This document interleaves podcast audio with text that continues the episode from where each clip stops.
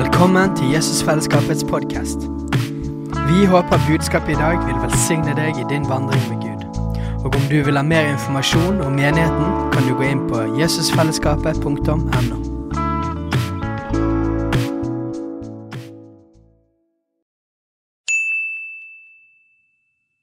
Hei! Visste du at Jesusfellesskapet starter en ny bibelskole til høsten? Den heter Jesusskolen og starter den 3. september. Gå inn på jesusskolen.no for mer informasjon. Ah, takk, Jesus. Du er god. Er ikke det herlig? Jeg syns det er fantastisk med Jeg blir jo det er noen som, jeg, kan, jeg kan bli litt uh, nidskjær. Jeg sa det forrige søndag.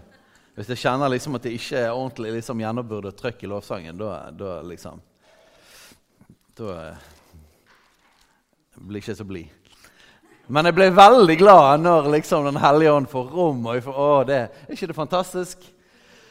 Og at det alltid kan få stige opp lovprisning og tilbedelse, og, og, og at, uh, at, han får ha våre hjerter. Jeg, jeg er jo sånn at uh, Jeg tror jo at det er fullt mulig hver eneste dag for oss å erfare Guds nærvær. Og jeg tror at det er, er ikke bare mulig, men det er meningen at hver eneste gang vi kommer sammen, så skal vi Ikke bare det at han er her liksom teoretisk sett, sånn, teologisk sett, at han er midt iblant oss, men at vi kan merke det. Eh, at hans nerver virkelig er midt iblant oss, og vi kan merke at Den hellige ånd jobber i gjengen. For vi er jo et tempel for Den hellige ånd. Så eh, da blir jeg utrolig glad for at vi i alle fall får være liksom nummer én hensikt av det vi skal være som menighet, nemlig et tempel for Han, en bolig for Gud. Da blir jeg veldig glad, og jeg regner med du blir glad for det. Ja? Når Han får være midt iblant oss. Jeg skal eh, forkynne evangeliet i dag, og det forhåpentligvis gjør vi jo stadig vekk. Eh, men jeg kjenner også en, en stor glede av å få snakke om eh, om erkjennelse, omvendelse og etterfølgelse i dag. Halleluja! Fordi at eh, jeg tror på kraften i evangeliet. Og eh, så, har, Jeg har så mange bibler, så vi får se hvor langt vi kommer. Men eh, det, dette, i dag blir det både forrett, og det blir hovedrett og dessert. Er du klar for det? Eh, er det bare å kaste seg inn i Bibelen. og Vi kan begynne i første brev til korinterne.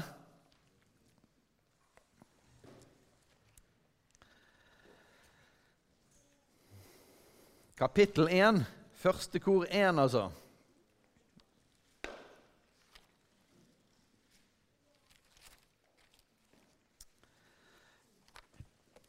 Evangeliet det er gode nyheter. Veldig gode nyheter. Første Korinterne 1, vers 17, der står det at For Kristus har ikke utsendt meg for å døpe, men for å forkynne evangeliet, og det er ikke med vise ord, for at Kristi kors ikke skulle tape sin kraft. For ordet om korset er vel en dårskap for dem som går fortapt, men for oss som blir frelst, er det Guds kraft. Og, og, nå er jo Settingen akkurat her handler om at uh, Paulus ikke hovedsakelig kom med visdomsord og uh, avansert talekunst, som han faktisk kunne, men at han kom med ånds- og kraftsbevis med tegn og under. Uh, det er jo på en måte konteksten her i dette kapitlet. Det ikke det, jeg skal ikke snakke om tegn og under i dag, men jeg skal snakke om Kristi, at, at, korset er Kristi kraft, og at evangeliet er Guds kraft. Og... Uh, og så er det sånn at Ordet om korset er en dårskap for de som går fortapt. Altså På godt norsk det er idiotisk. Det er latterlig. Det gir ingen mening. Det er faktisk støtende. Det er et anstøt, står det om. At korset er et anstøt. Det er noe man blir støtt av. Og, eh, men for oss som blir frelst, så er det en Guds kraft. Og vi vil ikke forsyne, vi må ikke forsyne evangeliet sånn at, det, sånn at det mister sin kraft. Det er viktig. Er ikke det det? For det at evangeliet det er, jo, det er jo Guds kraft. Det er det som forvandler vårt liv. Ordet om korset det er det som forvandlet oss, som forandret vårt liv. Og for, for, oss som har tatt imot det budskapet, så er det liv. Er ikke det? Det er liv, det er frelse. Det er en, det er en, det er en kilde til glede, til frihet. Sant? Men, men, så er det i vår kultur så er det mer og mer så er det blitt sånn at vi, vi vanner ut evangeliets forkynnelse. Eh, og problemet med det er det at da mister korset sin kraft. Og jeg har ikke lyst til at evangeliet, at korset skal miste sin kraft til å forvandle liv, til å endre liv. Men vi tenker gjerne det, og det er en, det er en, en sterk tendens i landet vårt. Og Derfor kjenner jeg at Den hellige ånd igjen og igjen løfter dette opp. At, dette, at jeg må forkynne det både hos oss, men òg ut i landet vårt. At, uh, at, vi må forkynne et helt evangelium. Og Fristelsen er fordi at vi har et sånt hjerte for at mennesker skal møte Gud. Sant? Vi ønsker at alle skal få møte Gud.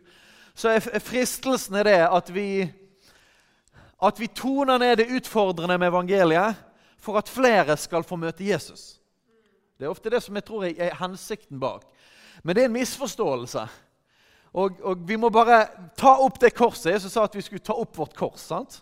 Det var jo før han sjøl døde på korset. Hva betyr å ta opp sitt kors? Det betyr å ta opp liksom, Det betyr å dø for oss sjøl. For det er en sånn enorm kraft i dette at når vi mister vårt liv, så skal vi finne det. Evangeliet er en sånn opp-ned-ting. Kraften i evangeliet er ikke det at det som oppleves behagelig, er det som gjør oss fri. Nei, det, det er det som, det som koster. Det koster noe. Det koster hjertet vårt. Evangeliet er det som tar oss til enden av oss sjøl. Der vi ser at 'jeg får ikke det til', og jeg bøyer meg og jeg ydmyker meg for deg, Gud. Til enden av meg sjøl. Og der fins friheten. Der fins frelsen. Der er det korset har sin kraft. Så la oss ikke forkynne evangeliet sånn at Kristi kors taper sin kraft. Og la oss vite det. La oss ikke være redd for at korset er en dårskap, er idiotisk for de som går fortapt. Det er en del av det å være en kristen av evangeliet. At folk vil både misforstå, og folk kommer også til å avvise evangeliet. De avviste Jesus, og evangeliet ble avvist gjennom hele apostelens gjerninger. Sant? Hvis, Jesus, hvis, hvis, det var greit for Jesus, så må, det, må vi forsone oss med det. La det heller skape en nød og et hjerte og et rop og en bønn i oss om at flere skal få møte Han. De gode nyhetene er at mange òg tar imot evangeliet. Og at de får oppleve at Kristi kraft det forandrer deres liv. Bare ett et til vers på dette her. Romane 1.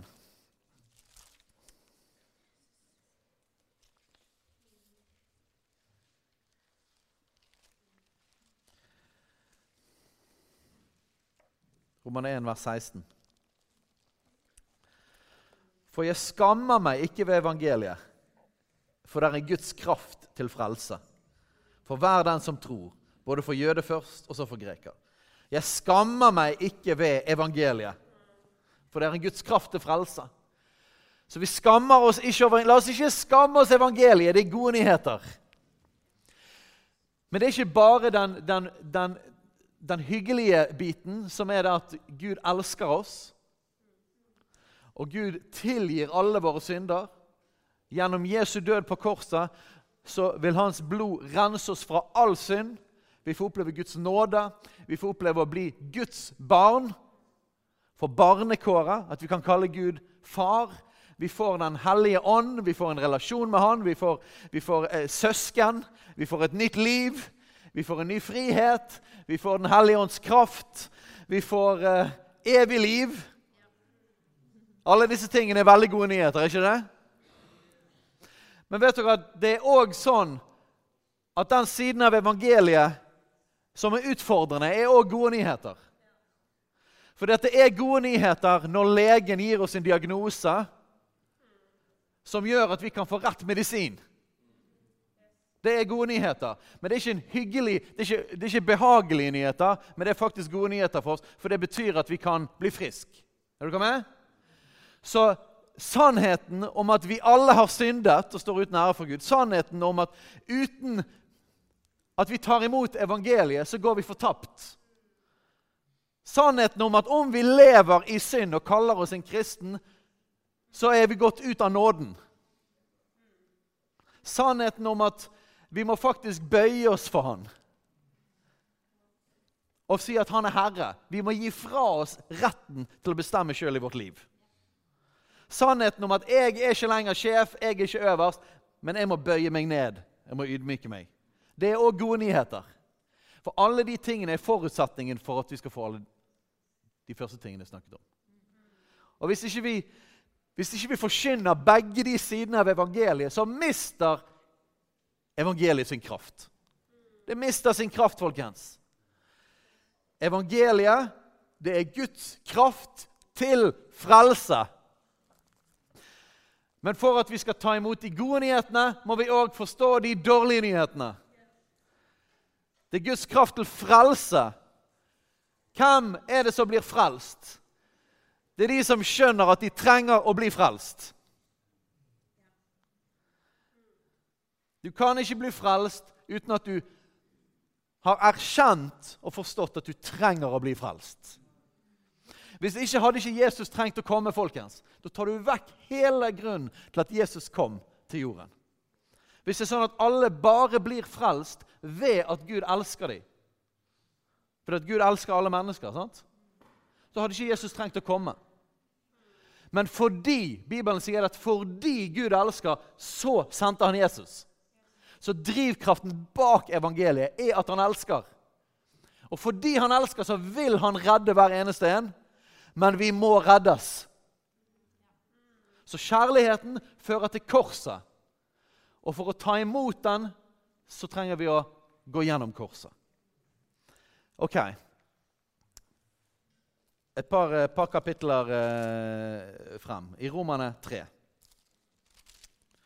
Jeg har snakket om dette før, men jeg kjenner at dette her må løftes opp igjen og igjen. og igjen, For at vi skal ha en sunn forståelse av evangeliet, for at ikke Kristi kors skal miste sin kraft iblant oss.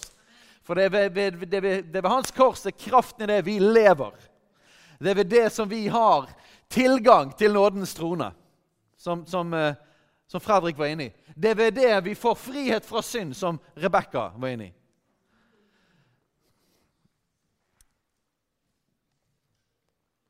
Og noen har lyst til å hoppe over denne biten og så bare ta imot evangeliet. Men uten erkjennelse så fins det ingen frelse. I Romane 3 Det er jo et heftig, heftig kapittel. Men det kommer noen gode nyheter på slutten her. Vi kan begynne i vers 9. Romane 3, 9. Hva da? Har vi noe fortrinn? Nei, slett ikke. Vi har jo allerede anklaget både jøder og grekere for at de alle er under synd. Så her er grekere. Det innebærer òg eh, nordmenn. Det innebærer til og med latinamerikanere. Vi har noen latinamerikanere og noen afrikanere. Jeg vet ikke om det er noen andre etnisiteter her. Men det, så grekerne det er alle oss andre. sant? Svensker òg ja. Det var godt ikke Og dansker. Det, det er danske her òg. Så det betyr at både jøder og grekere og alle andre folkeslag er under synd.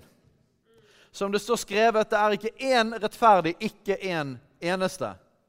Så hvor mange er det? Ingen. Sant? Ingen rettferdige i seg sjøl. Det er ikke én som er forstandig, det er ikke én som søker Gud. Dette er i oss sjøl, sant? i, i menneske, hvordan mennesket er i seg sjøl.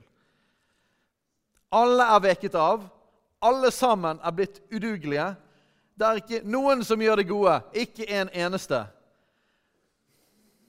Deres strupe er en åpnet grav, de bruker sin tunge til svik, og ormegift er under deres lepper.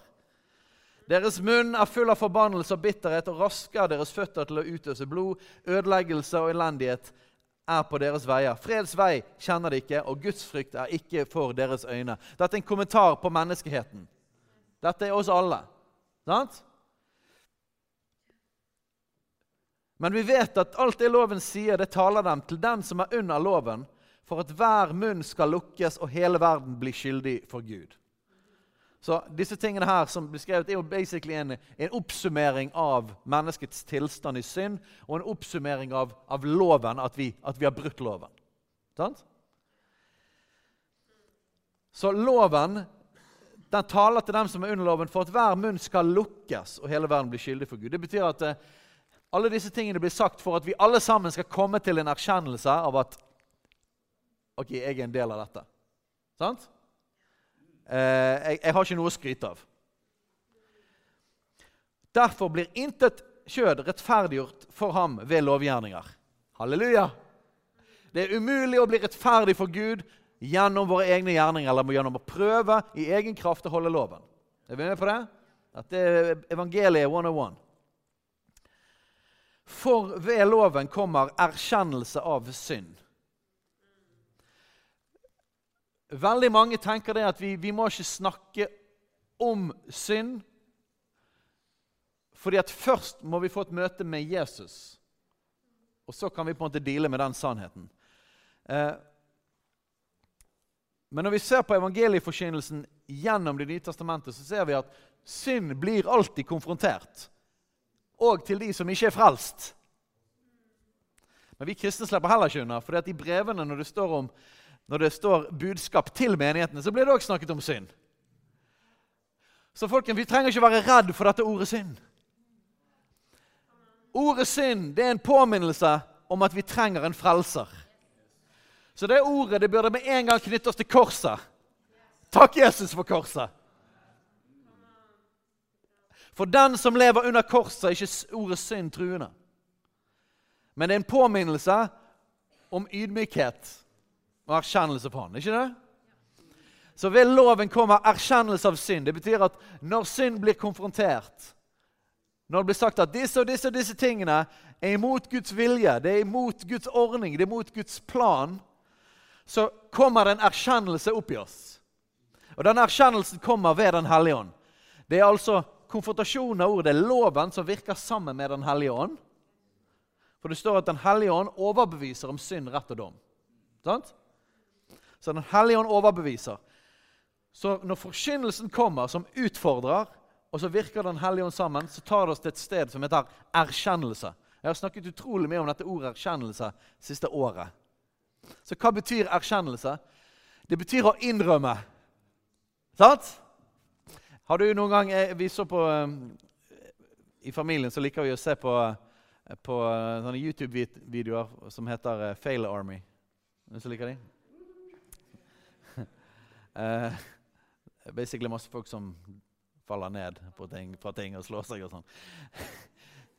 Men så begynte vi å se på en annen video òg, og det var liksom sånn her frekke barn. eller annet sånt video. Masse gøye klipp av barn. Og, og veldig ofte så er det jo sånn at Typisk sånn her barnevideo. Det er noen som er liksom full av Nugatti eller noe sånt. Hele de.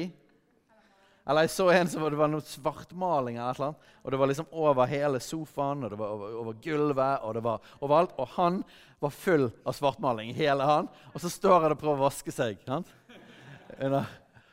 Og så, og så kommer foreldrene og, og, spør hva har skjedd. Er det du som har gjort dette? Og så sier jo barna veldig ofte nei. Ja? Og det er jo morsomt, for det er så åpenbart. sant? Så nei, nei. Og så prøver jo foreldrene å, å, få barnet til å komme til et sted av erkjennelse. Er ikke det interessant? Hvorfor er det viktig for oss? Er det for å straffe dem? Nei, fordi at, men, vi som foreldre vi ønsker at barna skal komme, komme til et sted av ydmykhet. Fordi at Gud står de stolte imot, men de ydmyke gir han nåde. Så det handler om hjertet. Det handler mindre om handlingene vi gjør. Det handler aller mest om hjertet. Gud ønsker hjertet oss, hjertet vårt. Så erkjennelse det handler om å innrømme. Og for å innrømme så må vi ydmyke oss. Jeg vet ikke om dere har opplevd det personlig eller vært i nærheten av når lærere skulle prøve å få noen, folk, noen eh, som hadde vært stygge med hverandre, noen elever, til å, til å be om unnskyldning. Sant? Eller kanskje man har prøvd å få barna til å be om unnskyldning til hverandre. eller sånt som Det Det kan være en utrolig kamp. Sant? Og hva er den kampen for noe? Det er stoltheten. Det er stoltheten i hjertet. Og den er utrolig instinktivt for foreldre eller lærere. Så er det bare utrolig viktig at ok, ting du har gjort galt, det kan ryddes opp så lenge det fins en erkjennelse.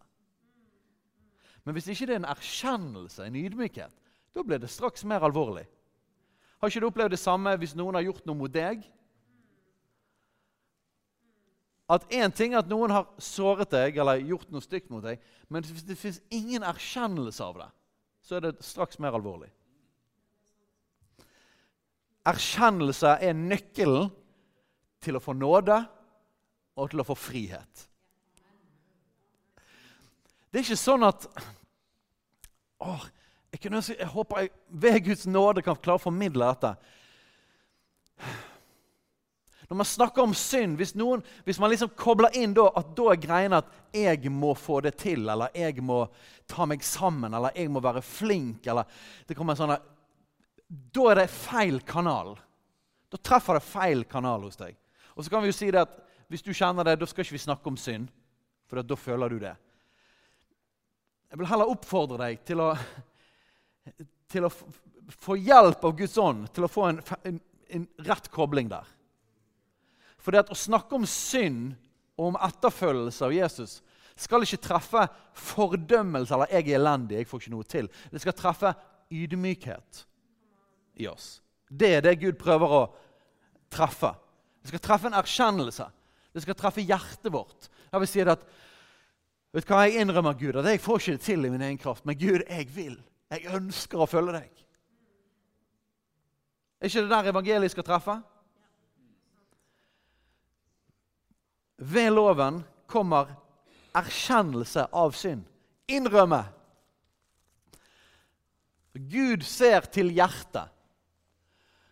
Og jeg, skal ikke gå supergrunnig gjennom det, men jeg har, jeg har, sett en del og studert en del dette både i Det gamle og Det nye testamentet. Og For meg så virker det som at dette er en av de, de tingene som betyr mest for Gud. Av alle ting. Det er hjertet ditt. Og hva betyr det? Det betyr denne her ydmykheten, denne erkjennelsen. Det var aldri gjennom både Gamle og Nytestamentet, det er aldri de som liksom bare fikk alt til fordi de var så flinke. Det er ikke de som får Guds favør. Men det er de som har en ydmykhet og en erkjennelse av at de trenger Gud. Og når de feiler, så bøyer de seg for ham. Er ikke det sånn? Hvem er det Jesus blir sint på? Nei, det er de med harde hjerter. Og En fariseisk ånd det er det at jeg lukker hjertet med at jeg får det til sjøl. Jeg i min egen kraft.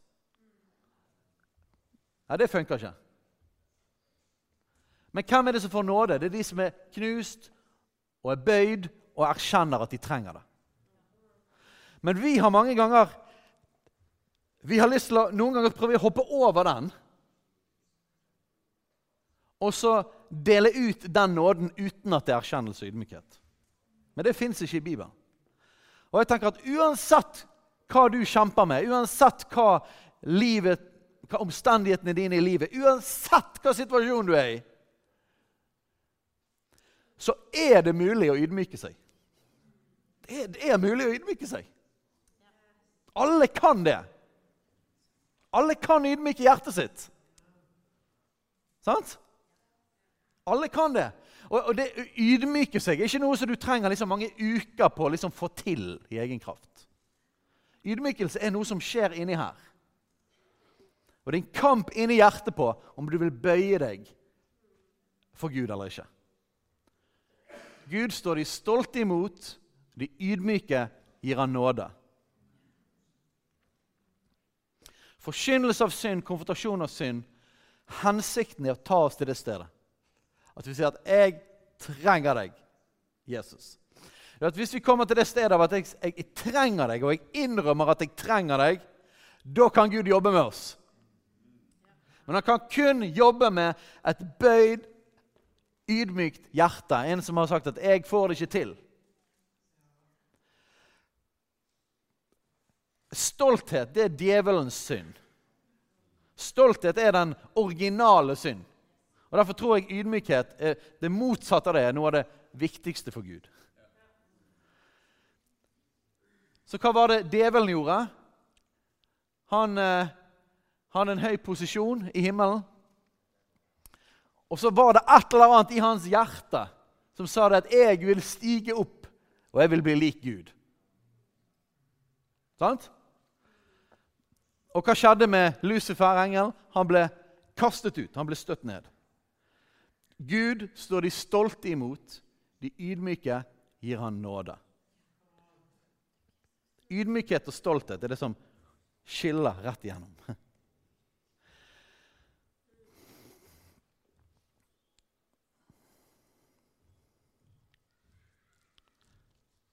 Et par eksempler på historier, bare for at dere skal få med dere denne, hvordan viktig denne ydmykhetsbiten erkjennelsen er for at man skal kunne ta imot nåde. En av de beste historiene, de mest fantastiske historiene om Guds kjærlighet, om gjenopprettelse, om nåde, det er historien om den bortkomne sønn.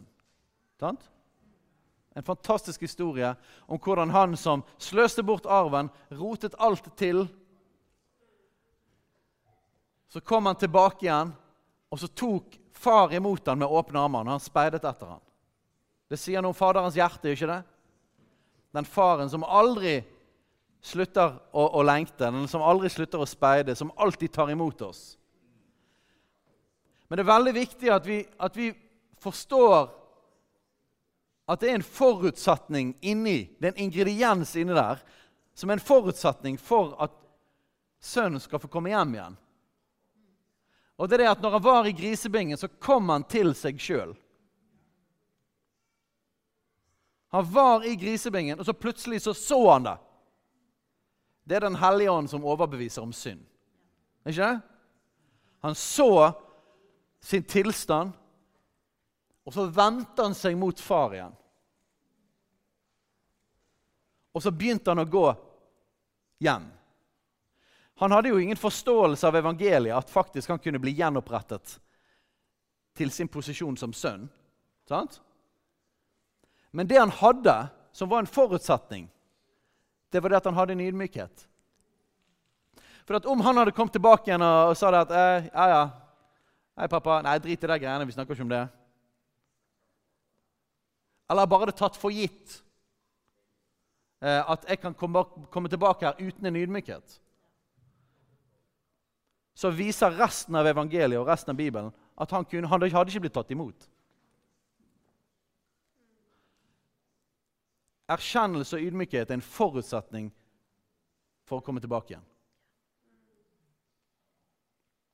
En annen historie som må bli brukt om hvor lett det å bli, kan bare bli frelst. Og av noen som ikke fikk tid til å både tro og vende om og bli døpt i vann og døpt i Den hellige ånd. og lagt til menigheten og alle det som er liksom standarden. Og det er røveren som hang på korset.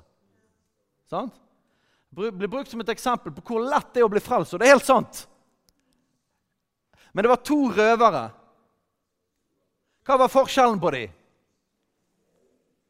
Var det sånn at du bare kunne være en røver der, og så bare, bare, at, og så bare ble du frelst automatisk? Nei. Han ene spottet Jesus. Han andre han sa vi fortjener dette her, men han har ikke gjort noe galt. Hva hadde han? Han hadde en erkjennelse av at han fortjente straffen. Og pga. hans hjerte, pga. hans erkjennelse, hans ydmykhet, sier Jesus i dag blir du med meg til paradis.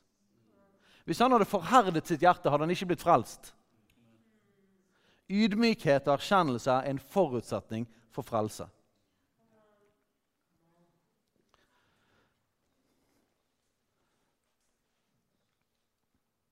Så hva er det vi skal erkjenne? Vi trenger å erkjenne det at vi har syndet, alle sammen. Men inni innrømmelsen av synd så ligger en veldig viktig ting. Og Dette her blir òg sterkt angrepet i Guds menighet i Norge i dag. Vi trenger å innrømme at det han sier er synd, det er synd. Så det vi innrømmer, det vi ydmyker oss for, er ikke min standard, eller kulturen vår sin, hva kulturen vår sier. Det vi ydmyker oss for og erkjenner, det er det, han sier. Det ordet sier. Lucifers ånd, stolthet er å si 'jeg vet bedre'. Eller at dette er så vanskelig for meg at jeg velger å beholde min rett til at det er jeg som definerer hva som er rett og galt. Man blir ikke frelst av det. For å ta imot nåde må man innrømme at det han sier er synd, det er synd. Sånn er det bare. Det fins kun tilgivelse for synd som vi innrømmer er synd. Hallo?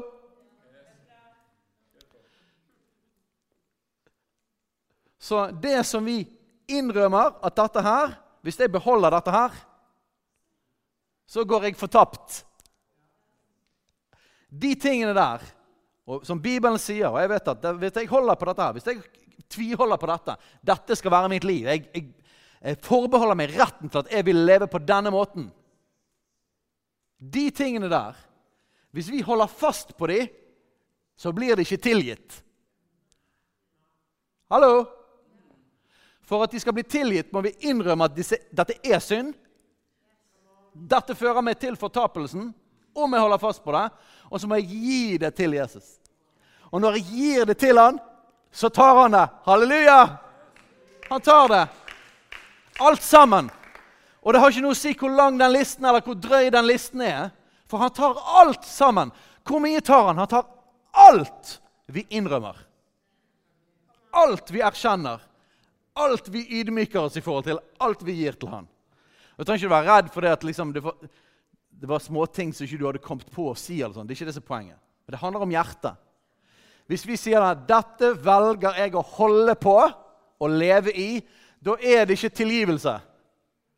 Hallo! Dette er rimelig viktig og en sentral, gammeldags del av evangeliet. Romerne 6. Men det er ikke så vanskelig, folkens. Det koster bare all stoltheten. Men det er ikke noe hardt arbeid. Det er bare å legge seg flat. Det er det, det er det, det koster. Det koster denne at jeg vil bestemme sjøl. Jeg vil være sjef. Jeg vil, å, jeg vil. Jeg. Det koster at det er meg, meg, meg. Det koster at man bøyer seg og sier det er deg. Det koster det. Men for en frihet det er. Jeg regner med dere har erfart det, dere som sitter her inne. For en frihet det er å innrømme at jeg trenger deg, Jesus. Kristi kors mister sin kraft hvis vi ikke forstår at jeg faktisk må innrømme å gi det til han. Og Hvis jeg holder fast på at nei, selv om Bibelen sier dette, at dette er synd, så vil jeg fortsatt leve i det. For vi lever jo tross alt i 2023. Av en eller annen grunn så er liksom årstallet blitt et argument. Ikke ta det som et argument. Det blir sagt hele tiden i samfunnsdebatten. Vi lever jo i 2023. Likestillingsministeren sier stadig vekk liksom sånne her gammeldagse holdninger. Sånne, ja, altså, Men det, det, har vært sånn hele tiden. Alltid. Vi tror på en, en Gud som har vært konstant. Det er alfa og omega. Det forandrer seg ikke med kultur. Det er hans ord som, som endrer kulturen, ikke om, det er ikke omvendt. Det er han som definerer hva som er kulturen. Jeg fikk plutselig lyst til å gå inn i litt historie, men To minutter. På slutten av 60-tallet kalles eh, det noe som kalles en seksuell revolusjon. sant? Og, og nå er det gått sånn ca. 50, 50 år der disse tingene har fått lov til å rase i kulturen vår. Som en, det er en systematisk nedbryting av alle Guds rammer som han har skapt. i forhold til hva, hva som er familie, hva som er mann og kvinne, eh, hva som er rammen for seksualitet. Det er En systematisk nedbryting av alle de rammene. Det er den seksuelle revolusjonen, kort sagt. Men en utrolig oppmuntrende ting som jeg for så vidt visste, men jeg, men jeg, jeg blir mest gjort oppmerksom på med en en som snakker om hvordan den seksuelle revolusjonen har feilet. En, en, feminist som snakker om det. sånn at Når vi snakker om den seksuelle revolusjonen, så snakker, snakker, vi om den første eller den andre. Og så Den første seksuelle revolusjonen, hva var det? Det var når kristendommen fikk overtak i Romerriket. Fordi at når, når evangeliet fikk gjennombrudd, når det ble så mange kristne i Romerriket at de etter hvert bestemte seg for at ok, vi, vi får bare være kristne, så snudde det opp ned på hele seksualmoralen. Det er ikke sånn at liksom, jo lenger tiden har gått, jo mer frigjort har vi blitt seksuelt. Dette handler ikke om årstall. Dette handler om evangeliet eller ikke evangeliet. Når evangeliet fikk prege Romerriket og etter hvert mer og mer av Europa, så ble det mer og mer preget av hva Bibelen sier er rett og galt. Når vi fjerner evangeliet, så går vi mer og mer tilbake igjen. Så det handler ikke om i 2023 eller en eller annen slags tanke om at jo lenger fram vi kommer, jo mer opplyst er vi på dette. her. Sannheten er sannheten uansett. Så Ikke la dere lure det der med at vi er gammeldagse. Tid har ingenting med saken å gjøre her. Det handler om fins det noe som er sant. Fins det en, en universell sannhet som har vært fra evighet til evig? vet at Alt som Gud kaller synd, vet du hva det egentlig er? Hvis du skal koke det ned til noe? Det er det motsatte av hans person. Det er basically synd. Og han har vært lik alltid. Så hvorfor er utroskap synd? Jo, det er fordi at han er trofast. Hvorfor er løgn synd? Det er fordi at han taler alltid sannhet. Hvorfor er hat synd? Det er fordi at han er kjærlighet. Skjønner dere? Så, så, så synd er basically motsatt av Guds natur. Og Gud har alltid vært den samme.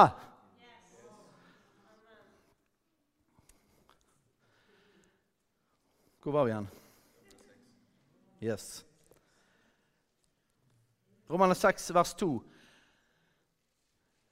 Langt derifra. Vi som er døde fra synden, hvordan skulle vi ennå leve i den? Fra bl.a. dette verset kommer begrepet 'leve i synd'.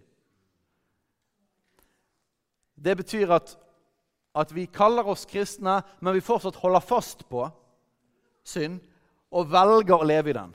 Det er noe annet enn det vi kaller å falle i synd. Hva er å falle i synd? Å falle i synd det er det at jeg lever mitt liv som at Jesus er min herre. Jesus er min frelser. Jeg er blitt frelst fra min synd. Jeg innrømmer det at jeg trenger han. Jeg lever under korset. Jeg tilhører han. Amen? Sant? Men i min vandring så skjer det, spesielt når eh, jeg har dårlige dager eller er sliten, eller er spesielt fristet, så kan det være at jeg i et øyeblikk så gir jeg etter for den fristelsen og synder. Sant? Og det skjer med oss alle. Men det er ikke det samme som å leve i synd. Det er snakk om å falle. Dette er ikke livet mitt, det er ikke min livsstil, det er ikke min identitet. Men det er en fristelse som jeg falt i. Og Hva sier Bibelen da? Da er det 1. Johannes 1,9. Dersom vi bekjenner våre synder, er Han trofast og rettferdig, han tilgir oss syndene og renser oss for all urett.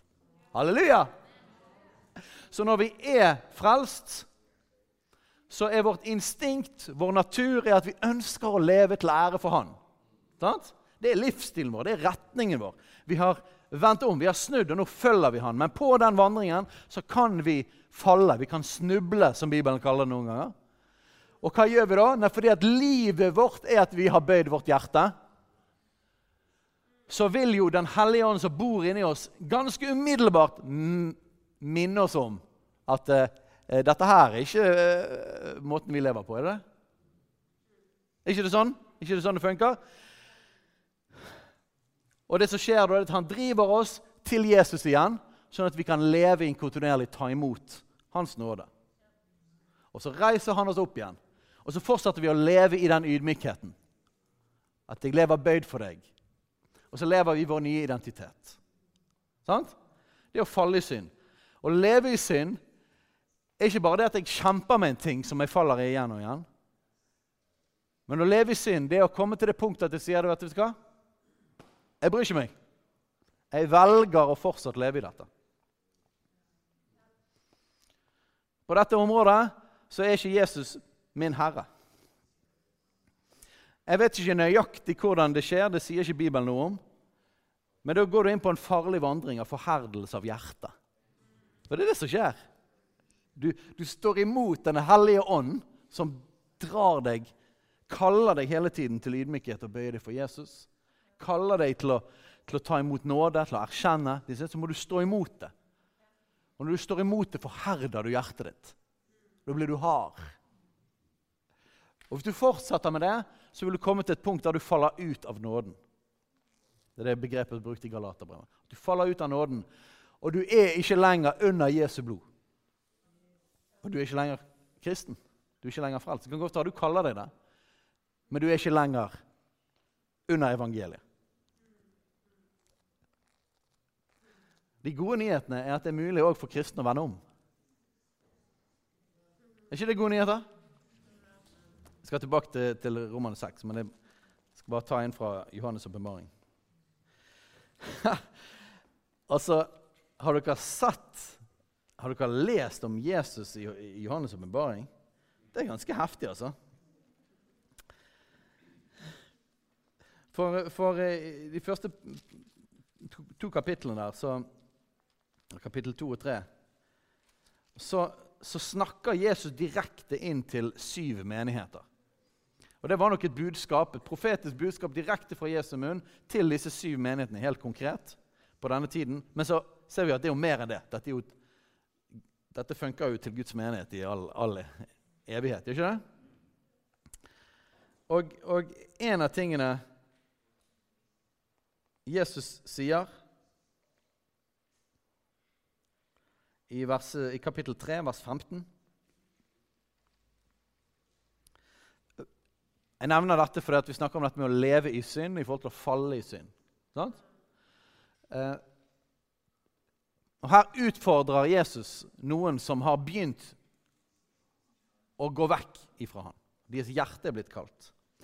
Så vers 15.: Jeg vet om dine gjerninger at du er verken kald eller varm. Det hadde vært godt om du var kald eller varm, men fordi du er lunken og verken kald eller varm, vil jeg spy deg ut av min munn.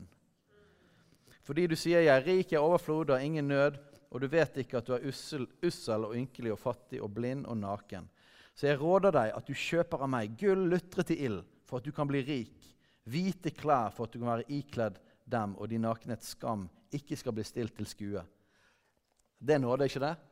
For nakenhetsskam ikke skal bli stilt til skue. Vi skal bli dekket. Det er Jesu nåde. Og øyensalve til å salve dine øyne med for at du kan se. At forvirringen og forblindelsen og forførelsen fra djevelen forsvinner, så man kan få øyne til å se med. Og så sier Jesus, 'Alle dem jeg elsker, dem refser og tukter jeg.' Derfor ta det alvorlig og omvend deg. Se, jeg står for døren og banker. Om noen hører min røst og åpner døren, da vil jeg gå inn til ham og holde nattverd med ham, og han med meg. Ser dere Jesu hjerte her er fellesskap? Det er Jesu hjerte. At vi skal få være fri, at vi skal leve i fellesskap med han, at vi skal åpne øyne, at vi skal få være dekket, vår skam skal være dekket av Hans nåde. Og fordi at han elsker oss så høyt, fordi at han ønsker oss nær til seg, så konfronterer han hvis det er noe som er imellom. Sant? Det er Jesu kjærlighet. Derfor sier han, 'De jeg elsker, de refser jeg'. Ta det derfor alvorlig og omvend deg. Så dette er et eksempel på å kalle til omvendelse for de som allerede er kristne. Til de som allerede er i Guds menighet. Folkens, la oss ikke være redd for at Jesus er en fortærende ild. At Jesus er hellig, at han er rettferdig. Når du får oppleve det, når du får oppleve gudsfrykten Du får en smak av hans herlighet og hans hellighet. Når du får høre ordet som konfronterer synd og lunkenhet Vit at det er far som elsker deg, som vil ha deg nær. Og han er nidskjær på alt som vil stjele oss vekk. Synd er til død for oss. Synd er død for oss, folkens. Det finnes ingenting bra. Jeg pleier å bruke bildet i forhold til hvorfor vi snakker om synd. Jeg pleier å bruke bildet om at vi sier til barna ikke stikk strikkepinner inn i stikkontakten. Hvorfor det? Fordi at jeg elsker deg. Jeg vil ikke at du skal dø. Jeg elsker deg så mye at om du holder på å stikke det inn, så kommer jeg til å være streng med deg. Det er Guds kjærlighet. Det er Gud som far. Ikke lek på motorveien. Jeg husker når eh, Joshua, rett etter vi hadde flyttet inn akkurat der, eh, der vi bor nå eh, Det var om sommeren. Så hadde, gikk han for seg med bleie. Så han var naken og kun bleie, og så hadde han tatt på seg støvler. Og så løp, hadde han løpt ned til veien. Og så sto han midt i veien, og så kommer det en bil sant, som kjører, som heldigvis så han og stoppet og tutet eller ropte eller gjorde et eller annet. Den, den opplevelsen som foreldre når du, når du vet at ditt barn er i livsfare når, Og anbefaler ikke det at vi skal bli sint på barna pga. frykt. sant? Men, men, om man blir sint eller høylytt eller roper 'stopp' eller 'kom her', så er det kjærlighet, ikke det? Det er fars kjærlighet, det er mors kjærlighet. Når Gud konfronterer synd, så er det fordi han elsker oss. Fordi at synd fører til død. For at han døde for all vår synd, for at vi skulle bli fri, sånn at vi kunne leve med han for alltid. Han vil det. Men når du hører det ordet, når du, når du hører Guds kjærlighet komme på denne måten, at han refser, at han utfordrer, så la det treffe ydmykhet. Amen? Erkjennelse. Bøy deg på dine knær. Det er ikke så vanskelig. OK, Gud, jeg innrømmer det. Jeg trenger deg. Jeg trenger din nåde. Hjelp meg, Jesus. Jeg ønsker ikke å leve for meg sjøl. Jeg gir deg mitt hjerte igjen. Du er min herre. Du er min konge. Jeg vil ikke leve med opprør i mitt hjerte. Jeg vil ikke leve for meg sjøl. Så erkjenner du og så bekjenner du din synd. Og så vender du deg om. Hva er å vende om? Vende om er i, i, basically ydmykhet. Da sier det at jeg, jeg går på denne veien, vekk fra deg. Du møter meg, og du utfordrer meg til følg meg. Vend om. Å vende om, det å snu og si at jeg lever ikke lenger sjøl, jeg bestemmer ikke lenger sjøl. Du er min Herre, Jesus. Halleluja. Det er fantastisk å få vende om. Omvendelse er ikke et ondt ord. Hvem er det vi venner oss til? Det er jo han. Det er jo det livet vi vil ha, ikke det? Det er han. Når vi følger han, så får vi vandre sammen med han. Jeg har ikke lyst til å gå i motsatt vei og gå i opprør mot Gud. Friheten fins jo å følge han. Erkjennelse, omvendelse og etterfølgelse. Det er det vi er kalt til. Ok. Jeg skal snart uh, slutte, men vi tar, uh, går gjennom Romane 6. En del der. Vers 2. Vi som er døde fra synden, hvordan skulle vi ennå leve i den? Eller vet dere ikke at alle vi som ble døpt til Kristus, ble døpt, Kristus Jesus, ble døpt til hans død? Vi ble altså begravet med ham ved dåpen til døden for at like som Kristus ble oppreist fra de døde ved Faderens her herlighet, så skal vi også vandre i et nytt liv. Wow! Nytt liv! Det er poenget. Begrave det gamle, dø fra det gamle og vandre i et nytt liv. Vers 5. For er vi blitt forenet ved ham med en død som er lik hans død, så skal vi også bli det ved en oppstandelse som er lik hans oppstandelse. Vi vet at vårt gamle menneske ble korsfestet med ham for at syndelegemet skulle bli tilintetgjort, så vi ikke lenger skal være slaver under synden. ikke det herlig? Hvordan kommer vi til denne tilstanden? Det snakkes jo om dåpen her, men dette handler jo om, om når, vi å, når vi vender om og skal følge Han, og bli begravet og oppreist med Han. Nei, for at du skal Død, det er erkjennelsen. Død, det er innrømmingen. Død det er det at jeg sier 'jeg vil ikke leve, leve lenger sjøl'. Jeg får ikke dette til på egen hånd. Jeg gir alt sammen til deg. Det er døden. Men hvis vi gir alt til Han og vi dør sammen med Han, så skal vi bli reist opp sammen med han, til et nytt liv. Evangeliet er ikke det at vi tar oss sammen og får det til å leve hellig i vår egen kraft. Nei, nei, nei! Evangeliet er at vi innrømmer at vi ikke får det til, gir alt sammen til han, og så tar han oss, og så reiser han oss opp. Og så gjør han et mirakel i oss. Korset forandrer oss. Oppstandelsen forandrer oss. Vi vet at vårt gamle menneske ble korsfestet med ham for at syndelegemet skulle bli tilintetgjort, så vi ikke lenger skal være slaver under synden. Vi skal ikke være slaver under synd, folkens.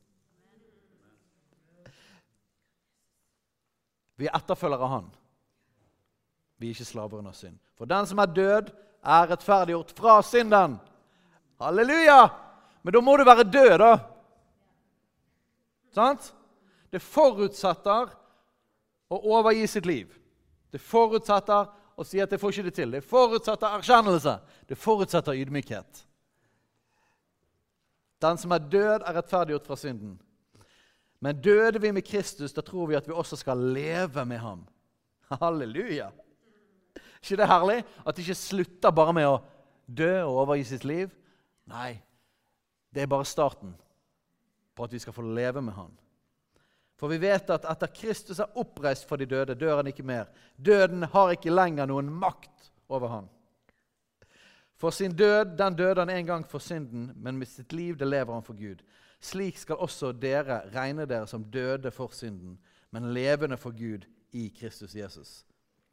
Og på grunn av dette, da, på grunn av det han har gjort, på grunn av det som skjer i dåpen, så kommer utfordringen. La derfor ikke synden herske i deres dødelige legeme så dere lyder dets lyster. Sant? Hva er, hva er, å lyde dets lyster? Det er jo falle for fristelsen. Gi etter. Sant? Ikke la synden herske. Ja, vi alle sammen trenger å leve kontinuerlig i Hans nåde, fordi at vi, vi faller jevnlig. Sant? Det betyr ikke at vi vil det, men, men det skjer. Men ikke la synden få herske over oss. La ikke synden få overmanne oss, drive oss, styre livet vårt. La ikke synden herske i deres dødelige legeme, så dere lyder dets lyster. Nei, still heller ikke deres lemmer til rådighet for synden som våpen for urettferdighet, men framstill dere selv for Gud, som de av døde er blitt levende, og by deres lemmer fram som rettferdighetens våpen for Gud. Så hva betyr det? Ikke lev under synden. Ikke gi etter for synden. Men still ditt liv foran Gud. Si at 'Han som har kjøpt meg, han skal nå få lov til å bruke meg'. La den kjærligheten som han viste på korset, at han kom og sonet all vår synd, la den kjærligheten gjøre at vi elsker han tilbake. Vi elsker fordi han elsket oss først. Erkjennelse, ydmykhet, takknemlighet for nåden. Kjærlighet. Ikke ut av tvang eller, eller ut av skam eller ut av loven. Nei, ut av en glede av å ha fått lov til å bli slippe fri fra meg sjøl når jeg ga mitt liv til han. Og Da kan jeg si at Gud, ta kroppen min, ta alt jeg er. Ta tankene mine, ta alle handlingene mine, ta valgene mine, ta alt jeg er, alt jeg gjør, og la det være til ære for deg, Jesus. La hele livet mitt være en tilbedelse til deg. Og det er retningen jeg vil gå med mitt liv. Og gjennom det så kan du fortsatt, så kan din nåde jobbe i meg og virke på meg, sånn at jeg blir mer og mer fri fra vaner av synd, og mer og mer lik Han. ikke det fantastisk? Jeg har sagt det flere ganger. Jeg vil si det igjen. Det er helt fantastisk å oppleve Guds rensende nåde. Jeg har fått oppleve så mange ganger at jeg har falt, og så har jeg bekjent min synd, og så har jeg opplevd hvordan Hans nåde kommer og vasker meg rein. Wow! Det er helt fantastisk. Til nå har jeg kun opplevd en større glede enn det når det gjelder synd. Det er når jeg har oppdaget at noe som jeg har kjempet med og slitt med og falt i igjen og igjen, opplever at han faktisk har fått endret meg, forandret meg og gjort meg fri, sånn at jeg ikke er under den synden lenger. Opplevelsen av å se tilbake og se det at Wow! Jeg har ikke falt på lang tid. Det er en enda større glede. Og jeg trenger kontinuerlig å ta imot Guds nåde. Men jeg er så lykkelig for å ha opplevd at Han helliggjør meg. At jeg får være i en prosess av at jeg blir mer og mer lik Han. Det er fortsatt mye å jobbe med. Med meg og med oss alle. ikke det? Fortsatt masse å jobbe med. Men det er fantastisk å merke at Hans nåde faktisk òg forandrer meg. For det er jo det vi ønsker, ikke det? Vi ønsker å leve til ære for Han. Hellighet folkens, er ikke en tung ting. Hellighet er ikke å gå liksom med en sur mine og være alvorlig. Hellighet er glede. For en glede å være mer og mer fri fra synden. Vi er takknemlige for Hans nåde, ikke vi det? Enormt takknemlige. Men tenk så fantastisk når Hans nåde òg forandrer oss. ikke det fantastisk? Det er òg hans gave. Ufortjent og av nåde. Ok, kan vi reise oss opp? Skal vi be inn i dette?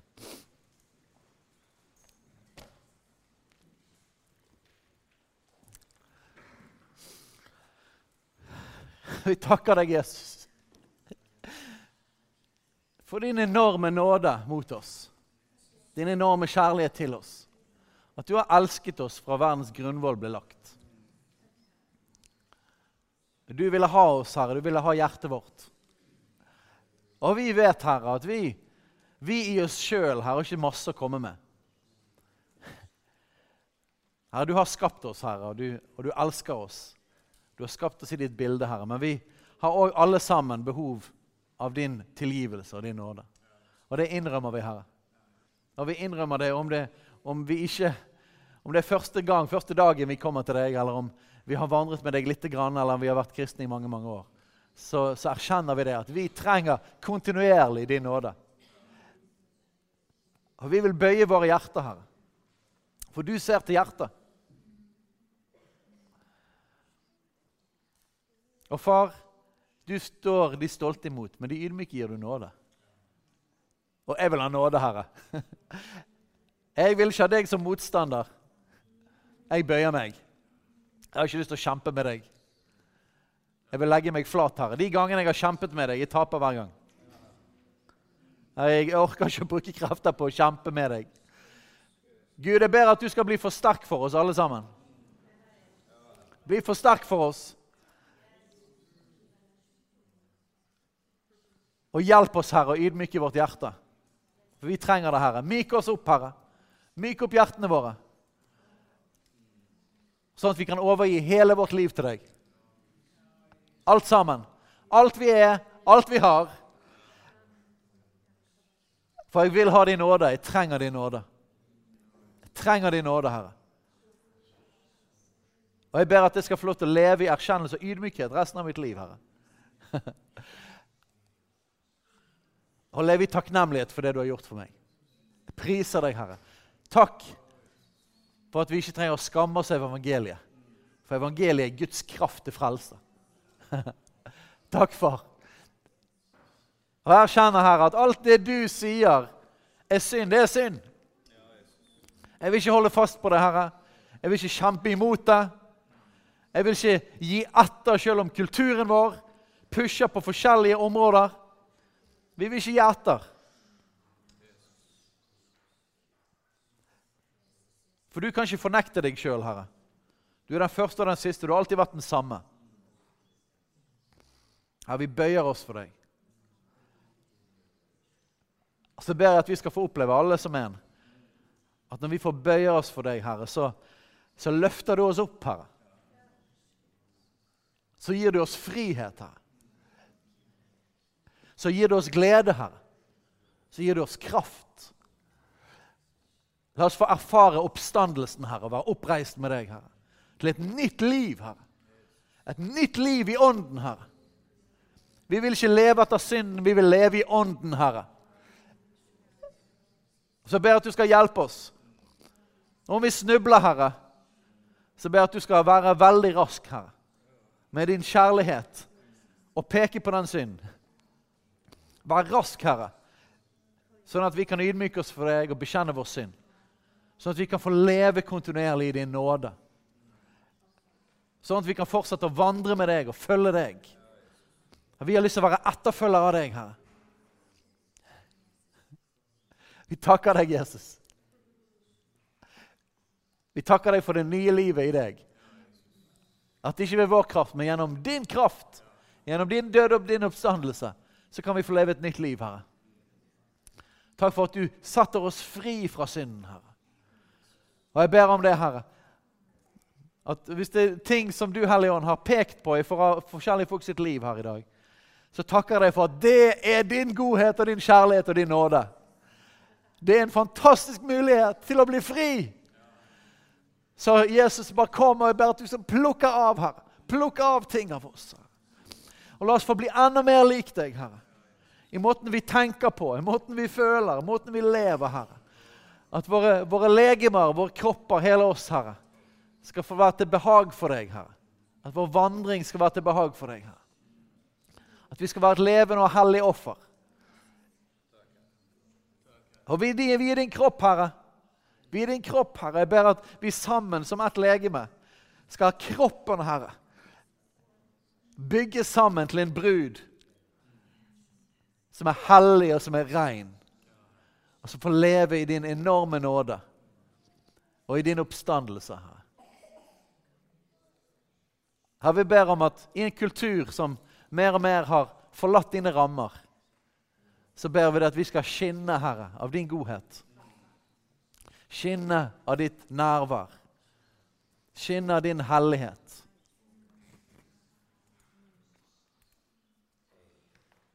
Og vi ber at mange, mange skal oppleve evangeliets forvandlende kraft rundt oss, Herre, og i byen vår.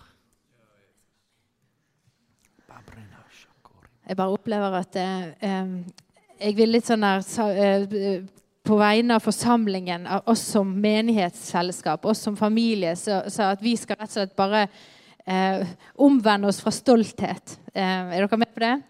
Eh, sånn at eh, det skal være lett å komme og være ydmyk hos oss. At, vi, at Guds nærvær skal ta stor og det, det, er vi opptatt av. og det er vi, Men, men når vi lar Han få ta stor plass hos oss, Den hellige ånd får være imellom oss, det, da skal det være lett å være ydmyk. Det skal være lett å gå på kne og omvende seg. Det skal være lett å komme med eh, det som man feiler, og si 'jeg får det ikke til'. Så, så, og Jeg har lyst til at vi skal være et sånt fellesskap hvor folk kan komme inn her og kjenne at Den hellige ånd pirker. Og det blir ikke inn i forkastelse og fordømmelse, sånn som Steinar var innom her, men det går rett i ydmykheten. Det går rett i 'Å ja, men jeg må bare bøye kne'. Så Herre, vi har bare lyst til å omvende oss fra all stolthet. At vi skal liksom eh, både få det til sjøl, eller vi skal eh, bare snakke om alle de fine tingene vi får til. Eller eh, vi, vi, har lyst til å være en forsamling som utstråler ydmykhet, som ligger på våre knær, som ikke får det til. Sånn at eh, nye mennesker som kommer inn her, eller bare oss sjøl som lever her, skal, det skal være lett for oss å falle på kne og si 'jeg får det ikke til'. Så hjelp oss å, å knekke vår stolthet, Hellige Ånd. Ta stor plass i vårt indre. Ta stor plass imellom oss i relasjonene våre, i samtalene våre, i familiene våre, i disippelgruppene våre. Ta stor plass, Hellige Ånd, sånn at når vi møtes, så er det lett å være ydmyk. Det er lett å si 'jeg får det ikke til'. Det er lett å, å erkjenne synd. Det er lett å, å, å, vende seg om. Det er lett å reise seg opp og ta sitt kors. Jeg har lyst til at vi skal være gode på dette. Jeg har lyst til å lage plass for dette. Jeg har lyst til at mennesker skal komme inn her og kjenne at det er lett å legge ned sitt liv. Og, og fordi at vi er ikke en stolt menighet som bare smiler for alt det vi får til. Nei, vi er en menighet som ligger på ansiktet fremfor Gud. Vi får det ikke til. Det er bare Gud. Det er bare du, Herre. Det er bare du som får det til. Det er bare du som har gjort det. Og vi tar imot deg, og vi har lyst til at du skal ta stor, stor plass midt iblant oss. Ja. Så hjelp oss og lær oss denne veien å gå på, Herre. Lær oss å være ydmyk. Lær oss å leve en livsstil av ydmykhet, Herre.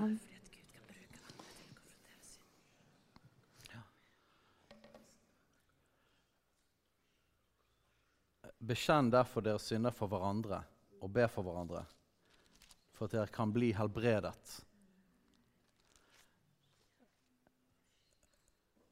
Du vet, Når vi har ydmyket oss for Gud, og når vi har erkjent vårt behov, vårt behov for nåde, så fører ikke det til hardhet.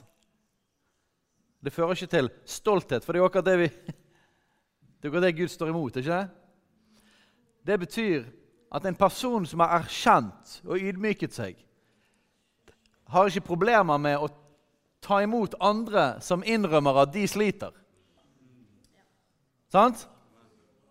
Vi er ikke redd for at folk sliter, og at folk kjemper med synd. For vi er i samme båten. Men det fins en forutsetning, og det er at vi bøyer oss for Gud sammen.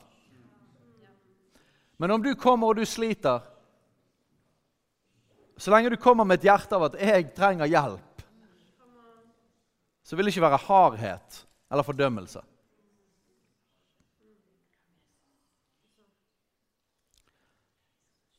Men det må være en erkjennelse. For en del av ydmykheten og en del av ydmykelse for Gud er det at vi må være tydelige på Hans ord. Akkurat denne her er nøkkelen. Vi ikke snakke mer om det da, men Hvis vi kunne forstå akkurat dette her Det er ydmykhet for Gud som gjør at vi er tydelige på hva som er rett og galt. Og det er ydmykhet for Gud som gjør at vi kan ta imot folk som sliter. De henger sammen. De er uløselig sammenknyttet. Vi vil ta imot alle som ønsker å respondere på evangeliet. Men vi kommer til å være tydelige for de som vil vanne ut evangeliet. Og kommer til å være en tydelig stemme for det i landet vårt. For at Vi vil ikke vanne ut evangeliet og ta vekk budskapet om synd. For da mister korset sin kraft. Du kan se forskjellen på det? Halleluja. Så vi oppfordrer dere Bekjenn deres synder for hverandre for at dere kan bli helbredet. Det betyr at det fins frihet i å gå sammen. Vi er ikke kalt til å stå alene og kjempe. Stå sammen med venner, stå sammen med brødre og søstre. Stå sammen med åndelige foreldre. Og om du sliter, søk hjelp, søk kontakt. La oss stå sammen. Det fins en enorm frihet i å ydmyke seg overfor hverandre. Amen? Og Det kan til og med være at noen vil utfordre deg. Og til og med konfrontasjon. Gud kan bruke mennesker, ikke bare forkynnelse, men òg individer, til å være med og pirke på noe som du lever i. Det må gjøres i kjærlighet og ydmykhet for de som gjør det. Men det er òg en av redskapene Gud bruker. Og det er hans kjærlighet til å sette oss fri. Ok? Så Gud, vi ber, hjelp oss og lær oss å leve som fellesskap i en ydmykhet for deg og ydmykhet for hverandre. Sånn at vi kan få erfare kraften i korset, alle sammen, og kan få vandre i det. Og ta imot alle som kommer til deg. Alle som responderer på evangeliet. Og at vi kan lyse av din kjærlighet òg til alle, om folk vil ikke ta imot det, om folk vil forherde sitt hjerte, om folk vil bli sinte eller forfølge. Så kommer vi med samme ånd. Vi velsigner når noen forfølger oss. Vi taler godt og de som forbanner oss. La oss få leve i ydmykhet, her. I Jesu navn. Amen. Hei, alle sammen. Det er Katrine og Steinar Lofnes her. Vi er hovedledere for Jesusfellesskapet. Så kjekt du har lyttet til denne podkasten. Har du forresten hørt noen av de andre podkastene våre? Ukens tale, Disippelskolen, Hyrdepodden, Kulturkrigen og Mammas hjerte.